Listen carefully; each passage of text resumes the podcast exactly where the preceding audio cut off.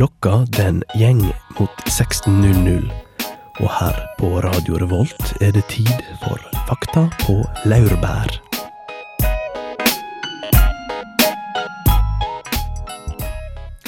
God morgen, godtfolk. En ny uke og en ny sending av Fakta på laurbær. Velkommen til studio, jenter. Hallo. Hallo. Og velkommen til alle dere der hjemme. Håper dere sitter godt. I dag skal vi prate om et klimaseminar som fant sted i Trondheim i helga. Vi var alle sammen til stede og tenkte vi skulle rapportere litt fra forskjellige innledning, innledninger, foredrag, litt hva som skjedde der. Og så selvfølgelig ta opp litt eh, klimarelaterte problemstillinger. Dette tror jeg blir en kjempespennende sending. Så dere får bli her på Radio Revolt. Aller først kan dere kose dere med Monté og låta Ghost.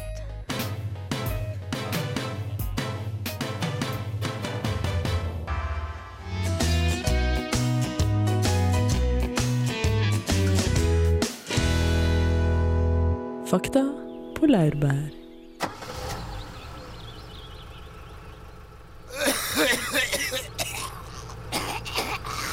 Hei! Av den motoren, da! Natur og Ungdom, Naturvernforbundet og Tekna inviterte i helga til klimaseminar i Trondheim. Seminaret startet fredag med foredrag i R1 med Børge Ausland. Ausland er kjent som eventyrer og polfarer, og er invitert for å fortelle om sine reiser og hvordan klimaforandringene påvirker sårbart miljø. Vi lurte på hva Børge gjør for å omsette inntrykkene fra turene til handling. Vi er jo ute og holder foredrag for mange forskjellige sammenhenger, og i fjor holdt vi foredrag for nesten alle høyskoler og universiteter i hele Norge. Og det var jo en av regjeringens eh, satsing på å gi informasjon om hva som skjer med temperaturen eller klimaet i Arktis og Antarktis. da. Så jeg gjør en del sånne ting. Føler du at du blir hørt? At det skjer noe? Ja, jeg syns ikke det skjer så mye i det hele tatt. Når det gjelder klima. Så får jeg bare håpe at eh, noen finner opp noe veldig fantastisk flott for at uh, vi skal kunne få ned det fossile energiforbruket vårt. Det er jo tre løsninger, selvfølgelig. At vanlige folk får øynene opp for det, og at de har en stemme i samfunnsdebatten på det og er pådrivere. Men de to hovedgrunnene til at det skal skje noe med klimaet, er jo eh, politisk vilje og teknologisk utvikling. Politisk vilje og befolkningen hører veldig tett sammen. Derfor er det viktig å holde et standpunkt til det, og kanskje setter seg litt inn i hva som er bakgrunnen for hva, hvorfor mye av de forskere mener at klimaendringene er menneskeskapte og konsekvensene av det.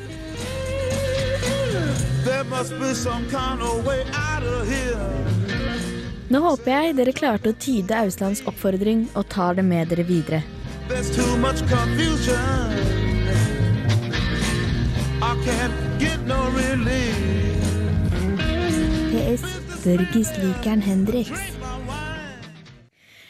Ja, altså Klimaseminaret i helga åpna med Børge Ausland på R1 på fredag.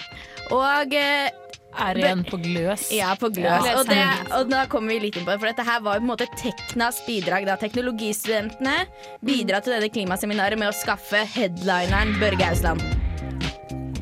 Og oh, det var på en måte Jeg og Susanna var jo på foredraget. Det var vi. Og nå har vi jo hørt litt om hva Børge Ausland syns om hva som skjer med klimapolitikk og sånne ting i Norge. Men det var jo ikke det foredraget dreide seg om, egentlig. Foredraget dreide seg veldig mye om uh, hans turer. Men det kom jo ganske, det kom jo tydelig fram at uh, Børge Ausland er noe frustrert over den manglende innsatsen i klimapolitikken. For han ser jo på sine reiser hvordan f.eks. isen trekker seg tilbake på Nordpolen og den type ting. Så ja, han virka jo litt frustrert over at det ikke gjøres så mye. da ga han vel en form for innblikk i forskjeller eh, før og nå og sånn der også. Det var vel noe historisk over det? Ja, det var til en viss grad. Jeg må innrømme at jeg var litt skuffa over på en måte, fokuset på Børge Ausland-foredraget. Selvfølgelig er det spennende å høre på eventyrer, eventyret til en Ja. polfarer. Men jeg følte at dette her var virkelig det populistiske bidraget til denne, dette klimaseminaret. Okay. Så Så det litt var sånn ikke eh, da jeg møtte en isbjørn. Og det var akkurat Ja, det. det var akkurat sånn det var. Wow. Og jeg vil jo si at, eh, at mengden med allværsjakker versus ullgen, ja, en, NUs ullgensere var på en måte høyere på den delen av klimaseminaret Ja. enn lørdagen. Der var det helt lik null. motsatt på den andre. Helt motsatt. Ja, helt motsatt. Så, men som jeg forstår det rett, på en klimakonferanse så snakka han egentlig bare om eventyring.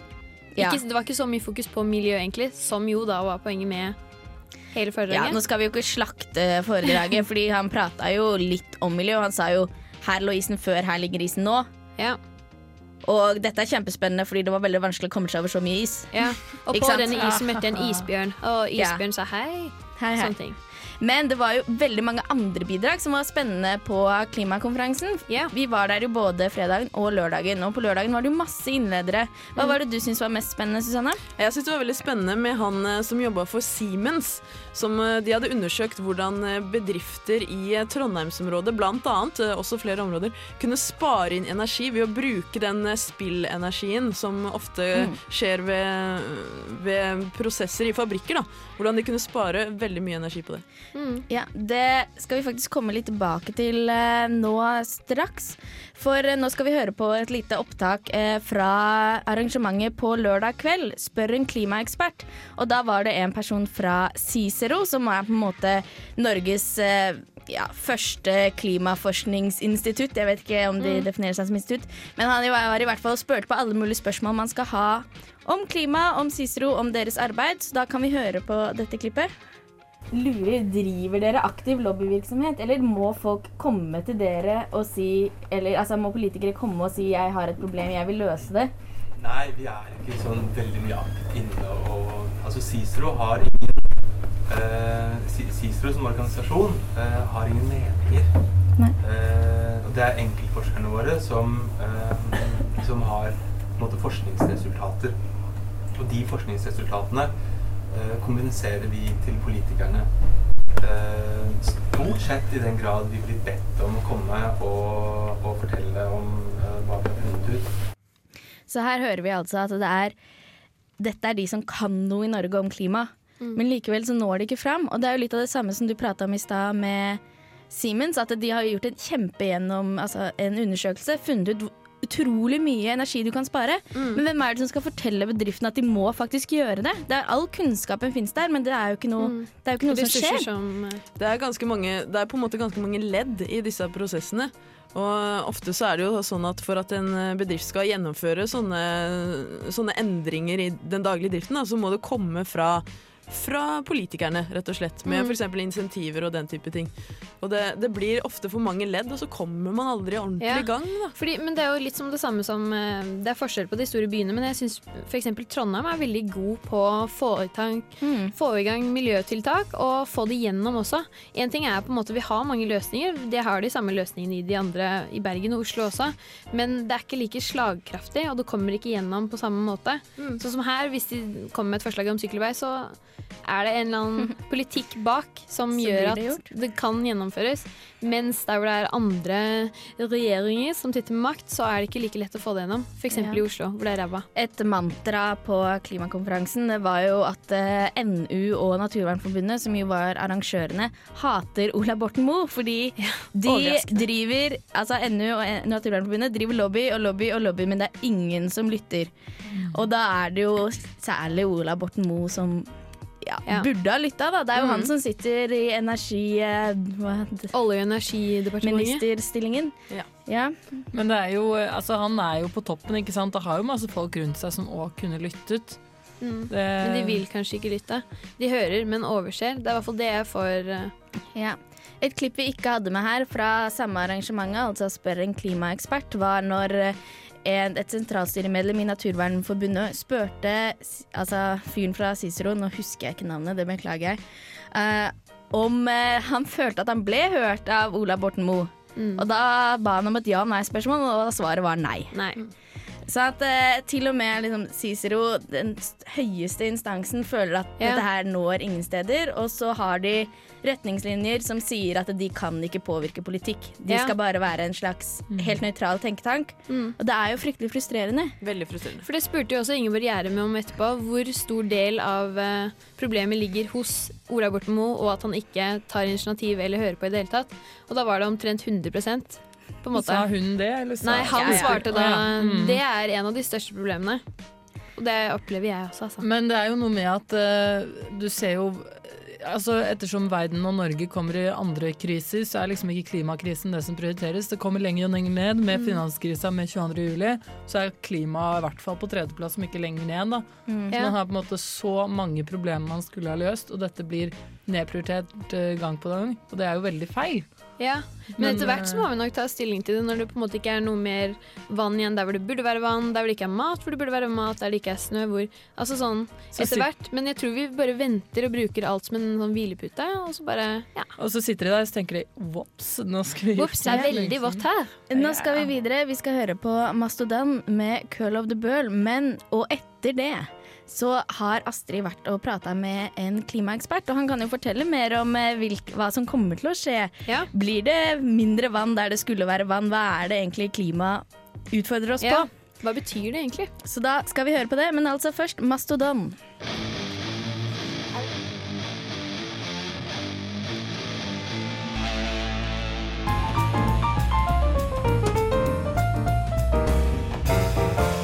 Fakta på laurbær.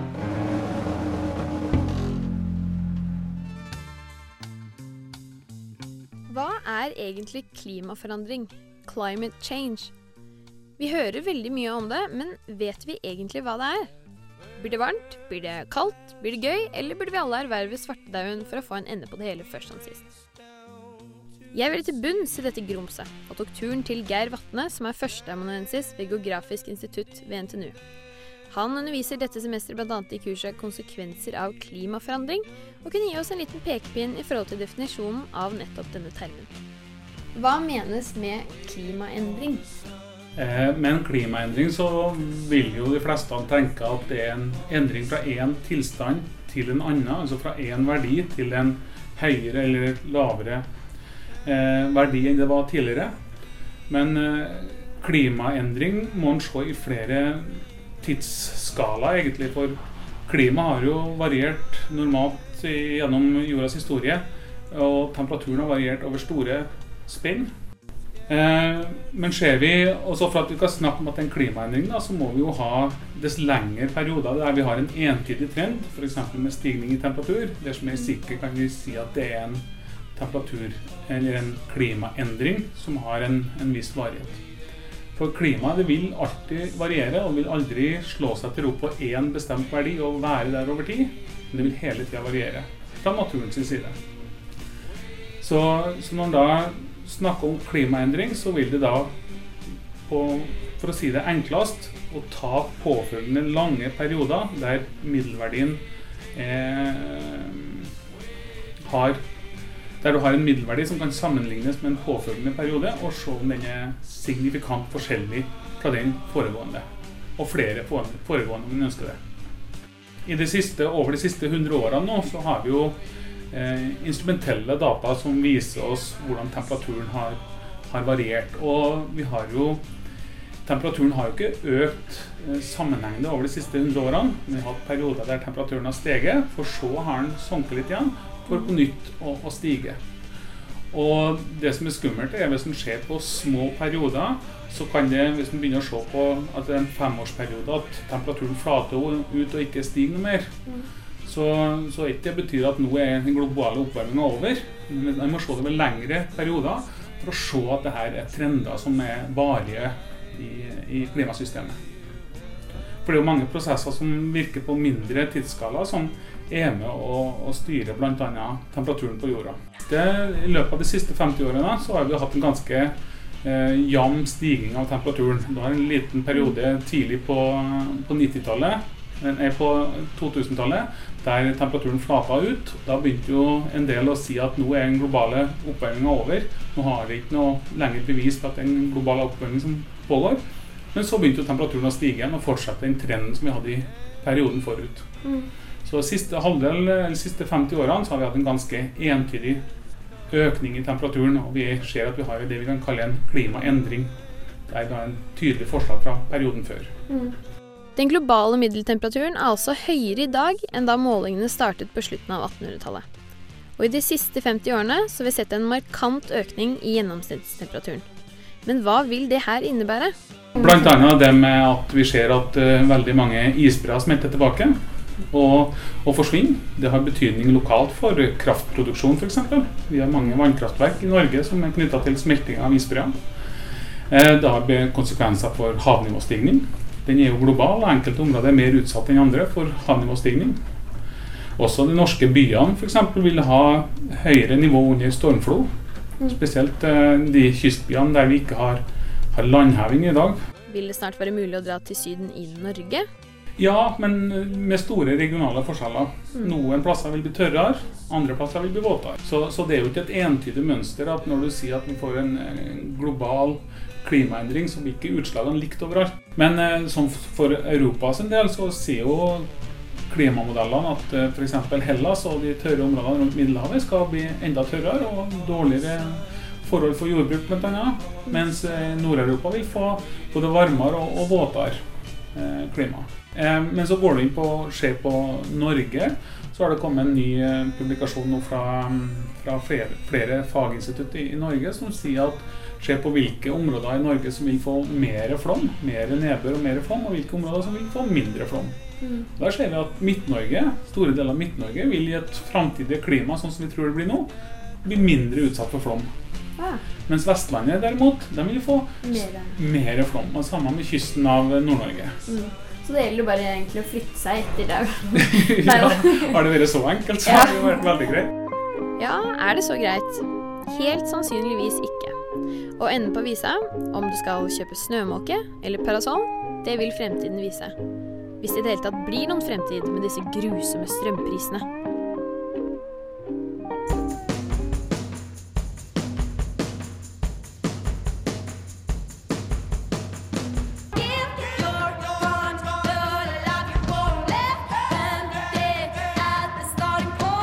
Der hørte du Pelbo, som spiller på Uka onsdag 26. oktober i Storsdalen. Så hvis ikke du har kjøpt billetter, kanskje du skal vurdere det.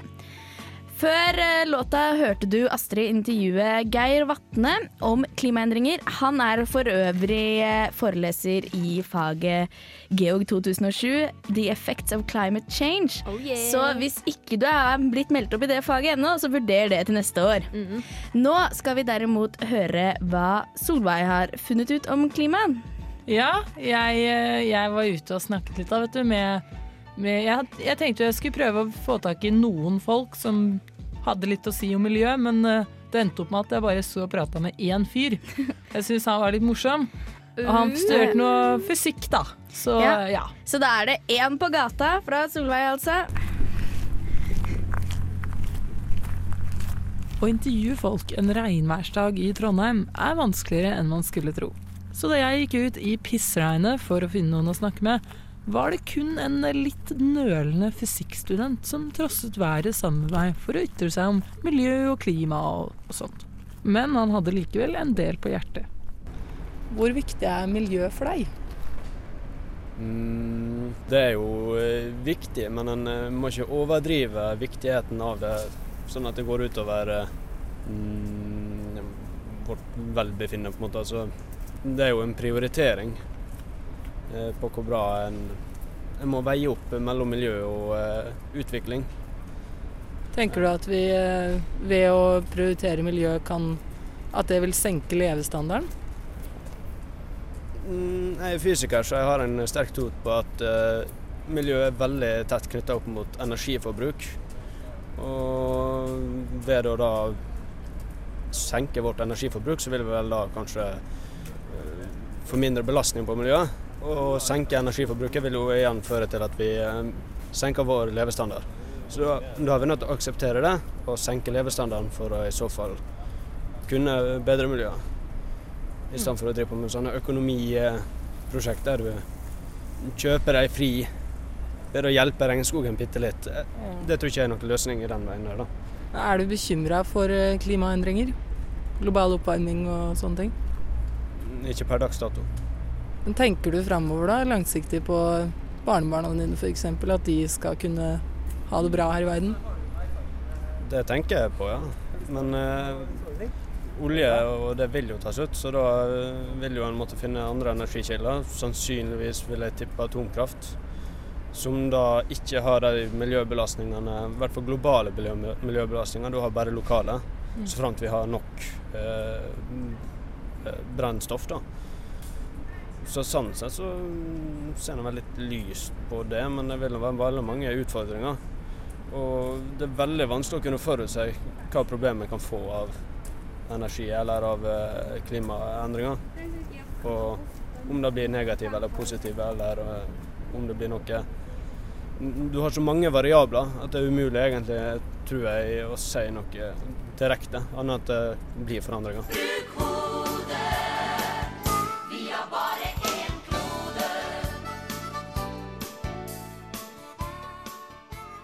Ja, der hørte du en over middels opplyst fysikkstudent uttale seg om klimaet.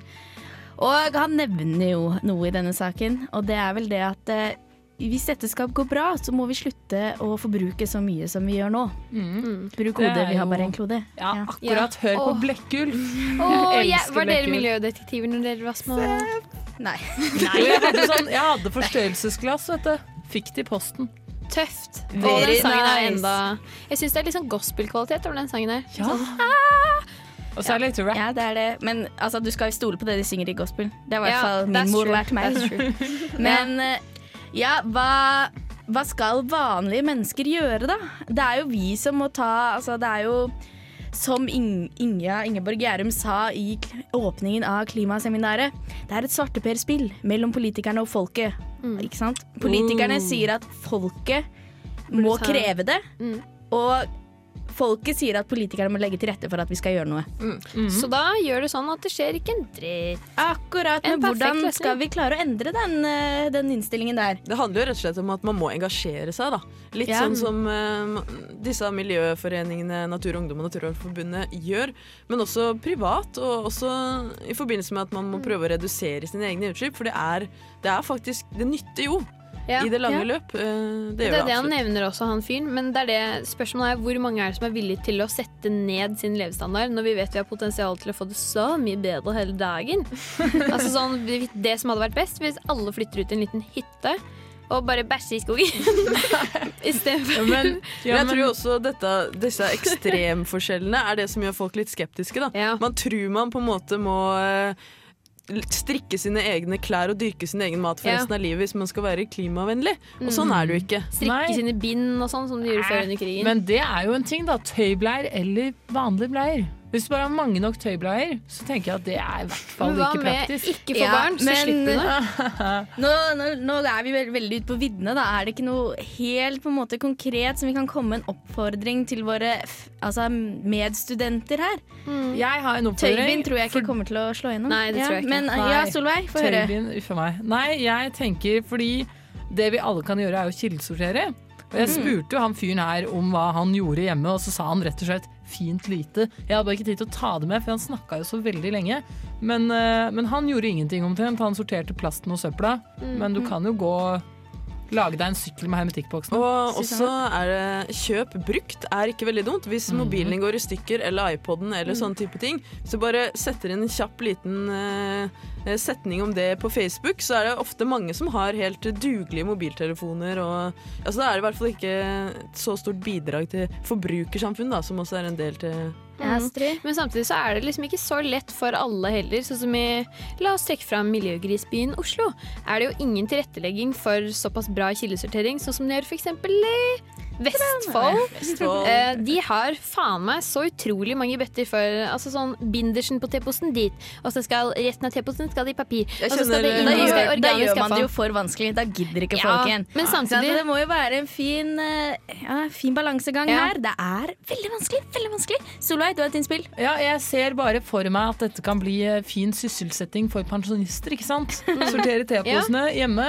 Ja. Så Afrikanske deler vi melkekartongen, plastkorken her, kartongen der. Ja, Ja, ja, da får vi sysselsatt dem, og de har altfor lite å gjøre. Ja, de har ingenting å gjøre. Men, men det er mye potensial også i strømsparing. Slå av lyset når Ja. du går ut av rommet. Installer sparepære. Dere veit. Ja. Her kommer Seasick Steve med You Can't Teach an Old Dog New Tricks, men det velger jo vi å tro at det går an. Eldre mennesker.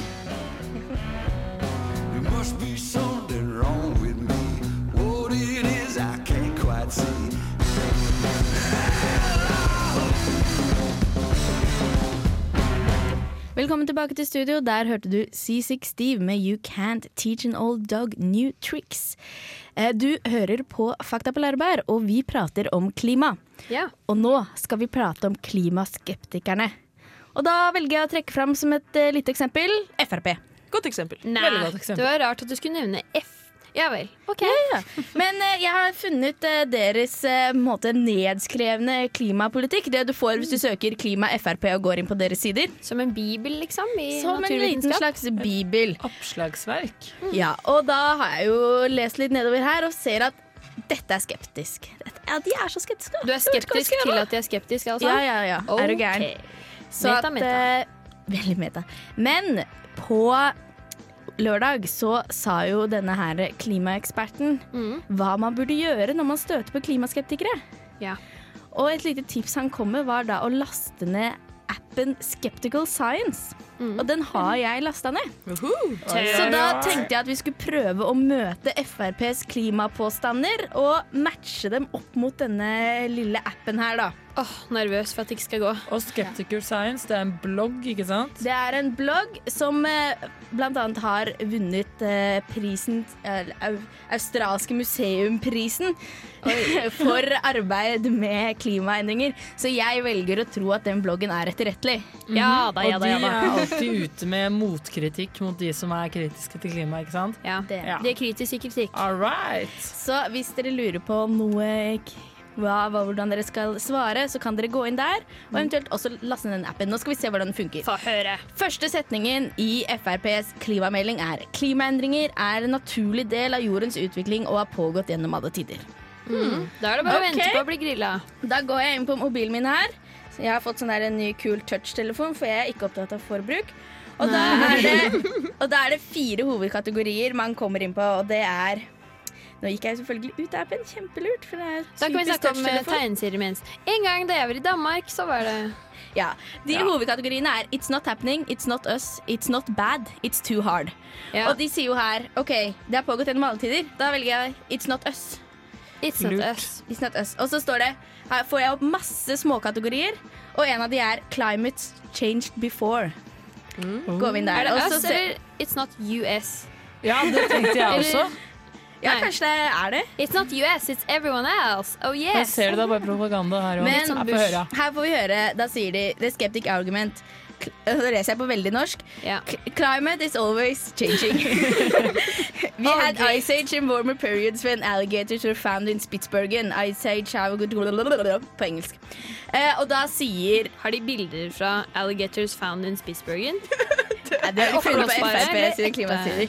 Men så sier Science says Climate reacts to whatever forced it to change at the time. Humans are not are now the dominant forcing. Så da kan du da lese eh, Klikke deg frem, finne ut hva de sier, og så slenge det i trynet på dem. På Ja. et skikkelig godt engelsk. Litt annerledes engelsk Eller ikke sleng mobilen, for de må kjøpe ny forbrukt. av det. Men hvis du slenger ansiktet ditt i trynet på dem, vær så god! Så bare uh, Vær så god. Vær la, la. ja, Ikke med R.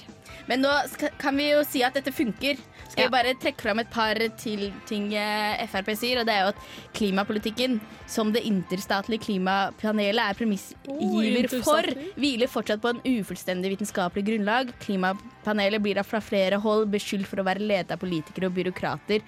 Der ønsket om økte bevilgninger går på bekostning av vitenskapelige fakta. Og har du Hørte det at de inkluderte noe som heter fremmedord? Ah, de er dritintellektuelle. Ja, skal vi ikke uten, eh, ja, uten hold i fakta gjøre narr av Frp. Nei. Men eh, nå kan vi tilbakevise dette. Hvordan skal vi gjøre det? Jo, vi bruker appen. Si dere er jo fra Bruk appen. Bruk appen.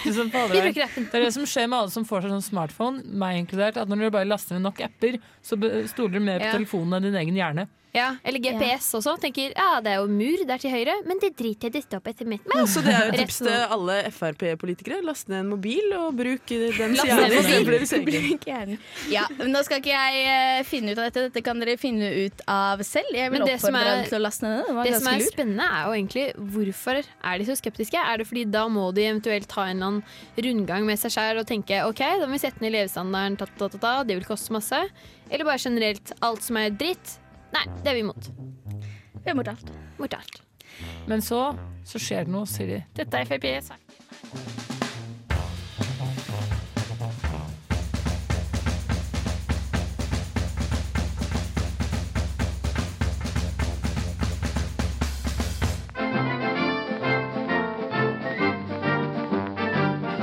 Fakta på laurbær. Jeg har beveget meg inn i løvens hule. Jeg har vært på klimaseminar og spurt sentrale medlemmer i Naturvernforbundet, Natur og Ungdom og Miljøpartiet De Grønne om hva de synes om atomkraft. Men først ut går spørsmålet til Unni Steinsmo, konsernleder i Sintef. Hvordan ser dere på atomkraft som framtidig energikilde? Når det gjelder atomkraft, så sier jo det som har skjedd i Tyskland, og, og som følge av det som skjedde i Japan, noe om hvor raskt ting skifter. Eh, Atomkraft er ikke noe alternativ i Norge. Men eh, Europa har jo veldig gamle atomkraftverk. Med unntak av eh, Frankrike og Finland. Sånn som det regna inn i de kurvene jeg har vist, så er jo eh, atomkraft regna inn som en del av løsninga i forhold til CO2-utslipp. Videre snakket jeg med Naturvernforbundet. Jeg er energi- og klimarådgiver, og navnet er Audun Randen Jonsson. Dere er mot atomkraft. Jeg vil gjerne høre litt argumenter. Ja, hovedgrunnen til å være mot atomkraft er at man har store problemer knyttet til atomkraft, både når det gjelder lagring av radioaktivt avfall. Det finnes per dags dato, og det vil man kanskje aldri kunne komme opp med, en løsning som kan sikre det radioaktive avfallet. Eh, og det må man da ha sikkert eh, lagret i tusen, kanskje millioner av år, for å være sikker på at dette ikke kan komme til skade for mennesker og dyr. Og det andre er jo at det er en risiko knyttet til eh, driften av atomkraftverk. Og det har vi jo sett eh, bare senest det siste året, med ulykker.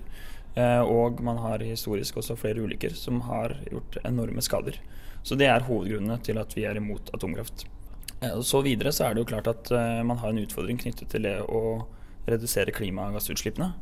Eh, men da er det diverse andre alternative energikilder som det kan satses på, i tillegg til at man selvfølgelig også da må eh, ha et fokus på redusert energiforbruk. Og eh, for Naturvernforbundet så er det da viktigere å satse på de nye fornybare energikildene, og ikke løse et problem med å skape et nytt gjennom det å satse på atomkraft. Natur og Ungdom tar som kjent også avstand til atomkraft. Mye på samme grunnlag som Naturvernforbundet. Ola Elvevold, leder i eh, Natur og Ungdom. Dere er mot atomkraft. Eh, Har du noen eh, argumenter som underbygger det her? Det er det flere gode grunner til, men en hovedårsak for oss er at vi enda ikke har noen ordentlig løsning på avfallsproblemet som vi skaper. Vi vet ikke hvordan vi skal få lagra og behandla dette avfallet i tusenvis av år. Og det skaper et svært problem som vi da skyver over på mange generasjoner etter oss. Det mener jeg er uansvarlig. Han er enig med Naturvernforbundet om at atomkraft er en dårlig idé. At det skal komme en atomreaktor i fremtiden som har lav nok risiko, mener han ikke er noe å vente på. Jeg tror ikke vi har tid til å drive med liksom, teorier av det slaget der. Hvis vi skal løse klimakrisa, så har vi ganske få år, få tiår på oss til å få utslippene ned til null. Så jeg tror ikke vi har tid å vente på at sånne løsninger skal, skal komme opp. Men vi har mange andre gode løsninger for å få ned utslippene på trygge, ansvarlige måter. Og det er det som haster at vi kommer i gang med nå. Vi har mer enn nok fornybar energi til å få erstatta det som er fossilt. Og det gjelder både kull, det gjelder olje og det gjelder gass. Det er rett og slett eh, Det er nok teknologi og muligheter til å overføre all energiproduksjon til eh, fornybar energi i verden i dag? Ja, det er det. Og så skjer jo ikke det over natta, selvfølgelig. Dette er en svær omstilling som både dette landet og også hele verden må foreta i løpet av det århundret her. Så nye løsninger vil også komme underveis. Vi har mer enn nok til å komme i gang. Vi har mer enn nok til å snu den trenden som er nå, der utslippene faktisk fortsatt øker. Det, eh, de mulighetene er der. Det handler om det å få den politiske viljen som, som trengs til å få det til. Så vi trenger ikke atomenergi. Nei, det gjør vi ikke, heldigvis. Miljøpartiet De Grønne sin representant var også klar i sin tale. Han mente atomkraft ikke er en del av energifremtiden. Da jeg pekte på at det var flere som mistet livet i kullgruvene enn i ulykker forbundet med atomreaktorer, kom han også med samfunnspolitiske synspunkter angående atomkraft. Eh, Jeg syns det er en litt søkt sammenligning som du kom med. Og altså En fordel som kullkraft kunne hatt i forhold til atomkraft, det er jo at det tross alt er en desentralisert energiform. Eh, Kjerneenergi er en sentraliserende og autoritær, hierarkisk basert energiform som bidrar til å bygge opp et sentralisert overvåkingssamfunn. Ja, klar tale der. Absolutt. Eh, Vi har eh, fått en del eh, påstander fra Miljøvernforbundet, Natur og Ungdom og ja, også Miljøpartiet De Grønne på slutten der, angående atomkraft. Vi skal finne ut litt mer om, om disse påstandene. Om to uker skal jeg intervjue en professor i energi- og miljøfysikk og få svar på noen av de påstandene som har kommet, og høre litt hva han, han sier om dette. For det, jeg tenkte jeg skulle liste opp litt sånn, eh, noen av de påstandene som ble sagt under intervjuet, og det er eh, det første. Det finnes ingen sikker, langvarig løsning for lagring av atomfall. Hm, dette må vi finne ut. Og vi trenger ikke atomkraft, for vi har nok fornybare energikilder til å erstatte kull, olje og gass i hele verden. Vi bruker jo ikke dem. Hæ? Ja, men vi bruker dem ikke. Nei, akkurat. Men det er jo det. Finnes det? Det må jo testes. Det må testes. Om påstanden Mhm. holder mål. Holder påstanden mål, det skal vi finne ut. Også? Og eh, også eh, de nylige ulykkene i Japan, eh, på Fukushima blant annet, og Tsjernobyl og sånne ting også. Og i Frankrike, som nylig skjedde, ikke Tsjernobyl, men de to som Frankrike nylig var jo skjedde, bare- at de var store. For det har det også kommet påstander i intervjuet. Er- Var dette store, grufulle ulykker? Men Tsjernobyl var jo litt stor. Ja, Er det litt sånn vi spør om? Men jeg, bare, jeg var jo i Frankrike akkurat når dette skjedde, og da fikk jeg en melding på telefonen 'ta på dere blykåpa'. Og så bare På med! Men eh, denne her ulykken i Frankrike, nå lagde jeg hermetegn. Selv om én døde, så var det jo bare en bitte liten arbeidsulykke, var det ikke det? Det var ikke atomkraftulykke. Men det kan så vi neste der setter vi det litt på spissen, men få høre på den neste påstanden, Susanne. Jo, det kom jo en uh, påstand til om at atomkraft ikke er en aktuell energikilde i Norge i det hele tatt. Det skal vi også finne ut av, om det faktisk eh, jobbes litt med det eller ikke. Dette blir veldig spennende å få svar på. Om to uker, altså. Fordi neste uke så er du borte, du er på feltkurs. Det er på feltkurs, ute med båt. Søren, høres helt Men ulogisk så kommer hun sterkt tilbake. Nå, den siste, nest siste låta ut i dag er Bugasi. 'Sleep Rules Everything Around Me'. Så lytt. Second hands, moms bounced on old men. So then we moved to Shallon Land. Tired. Sheep are counting me. No more struggle. No more energy. No more patience. You can write that down. It's all too crazy. I'm not sticking Der hørte du Bugasi, og du har hørt på Fakta på Lærbær. Dette er det siste du hører fra oss denne uka. Vi må dessverre si ha det bra. Ja, ha det bra. Ha det. Eh, men før vi sier helt ha det, så har vi jo litt tid. Og da hadde jeg tenkt å si at vi kommer til å legge ut et par eh, nettsaker denne uka. Så det er fint hvis dere følger med på radiorevolt.no. Selvfølgelig må dere følge med der hver uke, men denne uka skal Fakta på Lærbær være skikkelig på banen. Dere må også høre på podkast og Stream on demand, der du kan finne oss og andre programmer på Radio Volt. Ja. ja! Vi må si takk til tekniker Christian, og hør på på tirsdag som kommer etter oss. Her er Lana Del Rey med Blue Jeans, og på gjenhør. Ha det! James Dean, sure. You're so fresh to death and sick as ca- cancer.